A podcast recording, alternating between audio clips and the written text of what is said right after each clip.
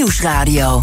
De Zakenlunch. Tijd om belangrijk zakelijk nieuws van dit moment te bespreken. Samen met Gert Kooi van de Stichting Nederlandse Haarden en Kachelbranche... en Stan Westerterp van Bond Capital Partners. En Stan, goedemiddag. Goedemiddag Thomas, hi. Shell krijgt vanaf 1 januari een nieuwe CEO, een nieuwe topbestuurder. En dat is geen Nederlander. Wie is het wel?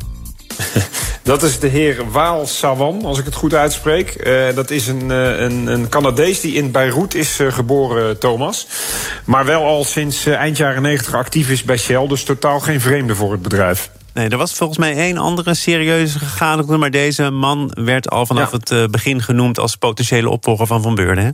Ja, ja, die andere gegadigde, dat was wel een, een Nederlander. Dus wat dat betreft uh, hebben de Nederlanders het uh, niet goed gedaan vandaag... als het gaat om de, de hot seat zeg maar, bij de beursgenoteerde bedrijven.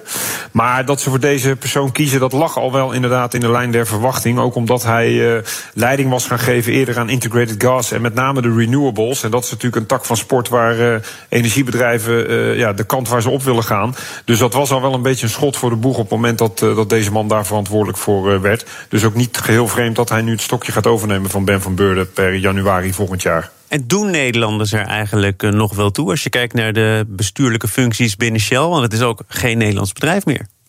Nee, nou ja, kijk, als je kijkt natuurlijk naar de palmaris van Ben van Beurden, dan is een van zijn actie punten, om het zo maar te zeggen, natuurlijk geweest inderdaad om Shell te verhuizen van Nederland naar, uh, naar, uh, naar Engeland. Of in ieder geval de, de structuur te simplificeren.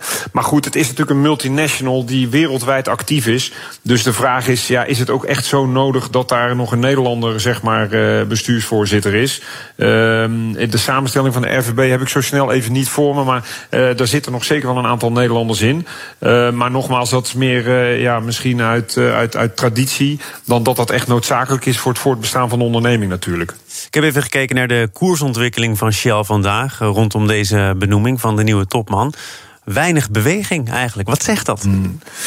Ja, eigenlijk niet zoveel. Kijk, dit nogmaals, dit lag al in de lijn der verwachting. Het was wat anders dan natuurlijk bijvoorbeeld een Frans van Houten... die ineens vroegtijdig het veld uh, moest, uh, moest ruimen. Ook omdat daar natuurlijk veel meer aan de hand was bij, bij Philips. Bij Shell is natuurlijk toch onderliggend het verhaal van de afgelopen jaren geweest... een enorm herstel in de olie- en gasprijs. We weten nog wel het dieptepunt 2,5 jaar geleden. Een negatieve olieprijs mei 2020 in het, in het, in het oog van de coronastorm. Uh, en toen moest Ben van Beurden ook de hele impopulaire maatregel nemen om namelijk dividend door drie te knippen. En dat was de eerste CEO die dat deed na de Tweede Wereldoorlog bij uh, Shell. Dus dat heeft onder beleggers wel wat nou, wenkbrauwen doen fronsen. En dan spreek ik me voorzichtig uit. Um, en ja, de vraag is ook een beetje dan tegelijkertijd aan de nieuwe CEO: hè, waar gaan de inkomsten in de toekomst van het bedrijf vandaan komen? En hoe zorgen we ervoor dat we het dividend weer op peil gaan krijgen? Nou, een tijdje terug was er een activistische aandeelhouder die uh, serieus voorstelde om Shell maar in twee te splitsen.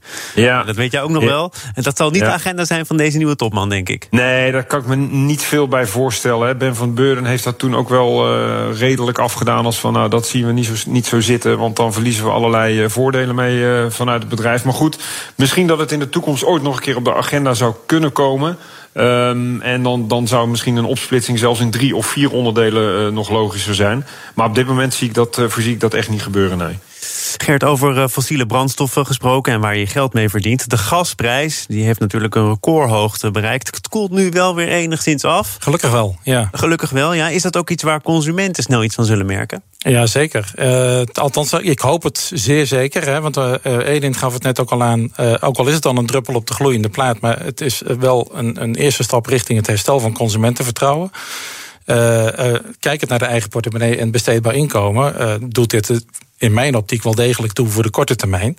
En dat zal uiteindelijk een bijdrage leveren in het gedrag van diezelfde consument. Horen er wat jou betreft ook al die Europese maatregelen bij die je net even kort de revue passeerde? Ja, ja. Dat moet je gewoon onverkort invoeren.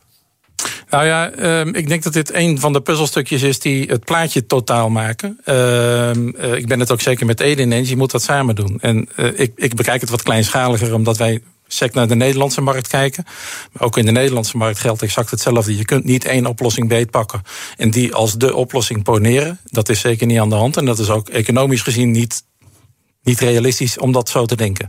We gaan naar iets wat voor Saxo Bank steeds realistischer wordt. Namelijk een notering uh, aan het Damrak in Amsterdam. Dat is dus een bank die naar de beurs gaat en via zo'n SPAC. Ja. Voor de mensen die twee jaar niet hebben opgelet, want het is al een tijdje aan de orde. Het was zelfs een hype, maar wat gebeurt er ook weer bij een SPAC? Ja, een SPAC, Thomas, is een uh, special uh, acquisition uh, vehicle, zeg maar. en wat er eigenlijk gebeurt is, er wordt een zak met geld naar de beurs gebracht. En met die zak met geld wordt dan gekeken of er een overname kan worden gedaan. Waardoor er een soort van reverse listing plaatsvindt voor een, voor een bedrijf. Het voordeel is dat het bedrijf niet zelf de hele procedure van een beursgang hoeft te doorlopen. En eigenlijk via de achterdeur, zeg maar, binnenkomt. Even oneerbiedig gezegd. En inderdaad blijkt nu, als we de, de media mogen geloven, dat Saxo Bank die mogelijkheden aan het bekijken is om een beursnotering in Amsterdam eh, te te krijgen. En dat is wel opvallend. Hè. Wij zijn ook een partij die, die samenwerken met Saxo Bank. Ze hebben natuurlijk Binkbank een aantal jaar geleden overgenomen. Ja, ging uitstekend. Van... Ging echt goed, toch? Nee, dat was inderdaad een, uh, ja, absoluut een voorbeeld van hoe het moet. Uh, maar uh, nou, nu zouden ze dus dan eventueel via een achterdeur weer terug willen komen op de beurs. Uh, en een groot, andere groot aandeelhouder van Saxo Bank is het Chinese Geely.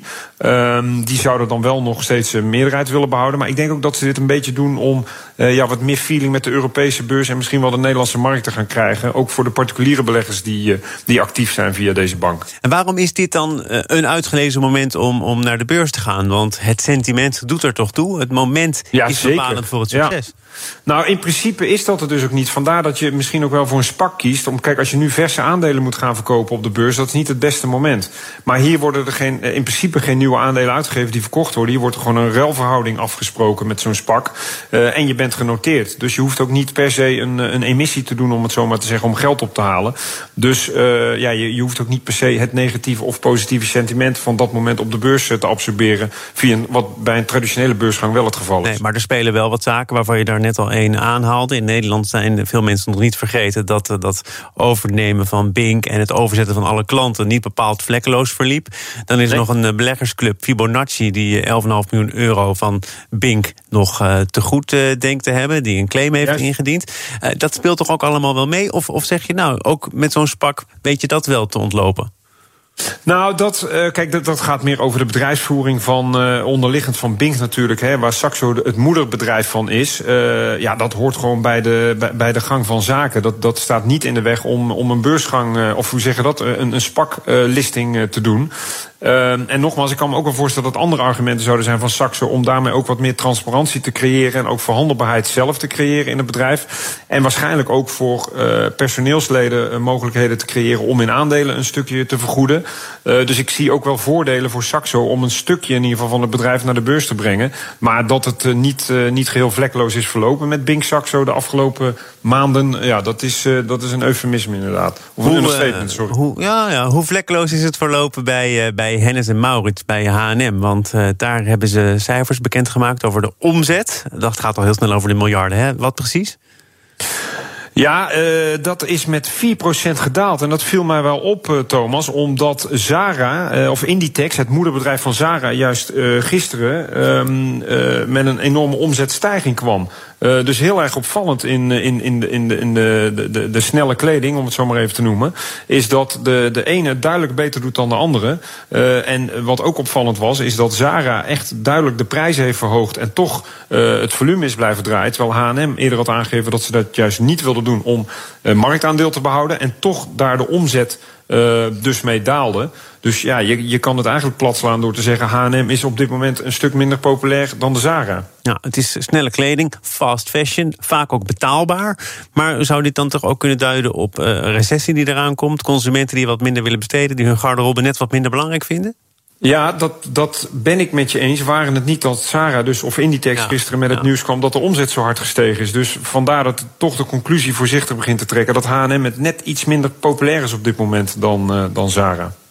Stan, we hebben nog uh, tijd voor een vraag... Uh, wellicht over kachels of haarden... die jij kunt richten aan Gert. Ja, waar ik heel erg benieuwd naar ben, en we het net al even over oplopende energieprijzen, met name gas natuurlijk, wat we allemaal dagelijks volgen. Mijn vraag was: zit er ook een correlatie tussen die energie- en elektriciteitsprijzen en de, de prijs van uh, brandhout? Want dat is natuurlijk niet een, een, een, een, zeg maar een makkelijk verhandelbaar product, wat we zo op de beurs via futures bij wijze van spreken kunnen verhandelen. Ik volg het niet dagelijks, maar mijn vraag is dus: is die houtprijs ook fors opgelopen in navolging van de andere energieprijzen? Ja, dat is een hele terechte vraag. Uh, antwoord heel kort ja. Uh, dat heeft alles met de wet van vraag en aanbod te maken. Uh, de Nederlandse consument is massaal aan het inkopen geslagen om hun wintervoorraad op peil te brengen. En je ziet gewoon dat daar de handelsvoorraden niet op toe op, op toegespitst zijn. En er ontstond daardoor een overvraag en een tekort aan capaciteit. En ja, dat, heel direct gevolg is dat de prijs stijgt. We gaan daar uh, uitgebreid over door zometeen met uh, Gert Kooi van de Stichting Nederlandse Haarden en Kachelbranche. Maar eerst bedank ik Stan Westerterp van Bond Capital Partners voor zijn blik op de beurs. Stan, tot volgende week.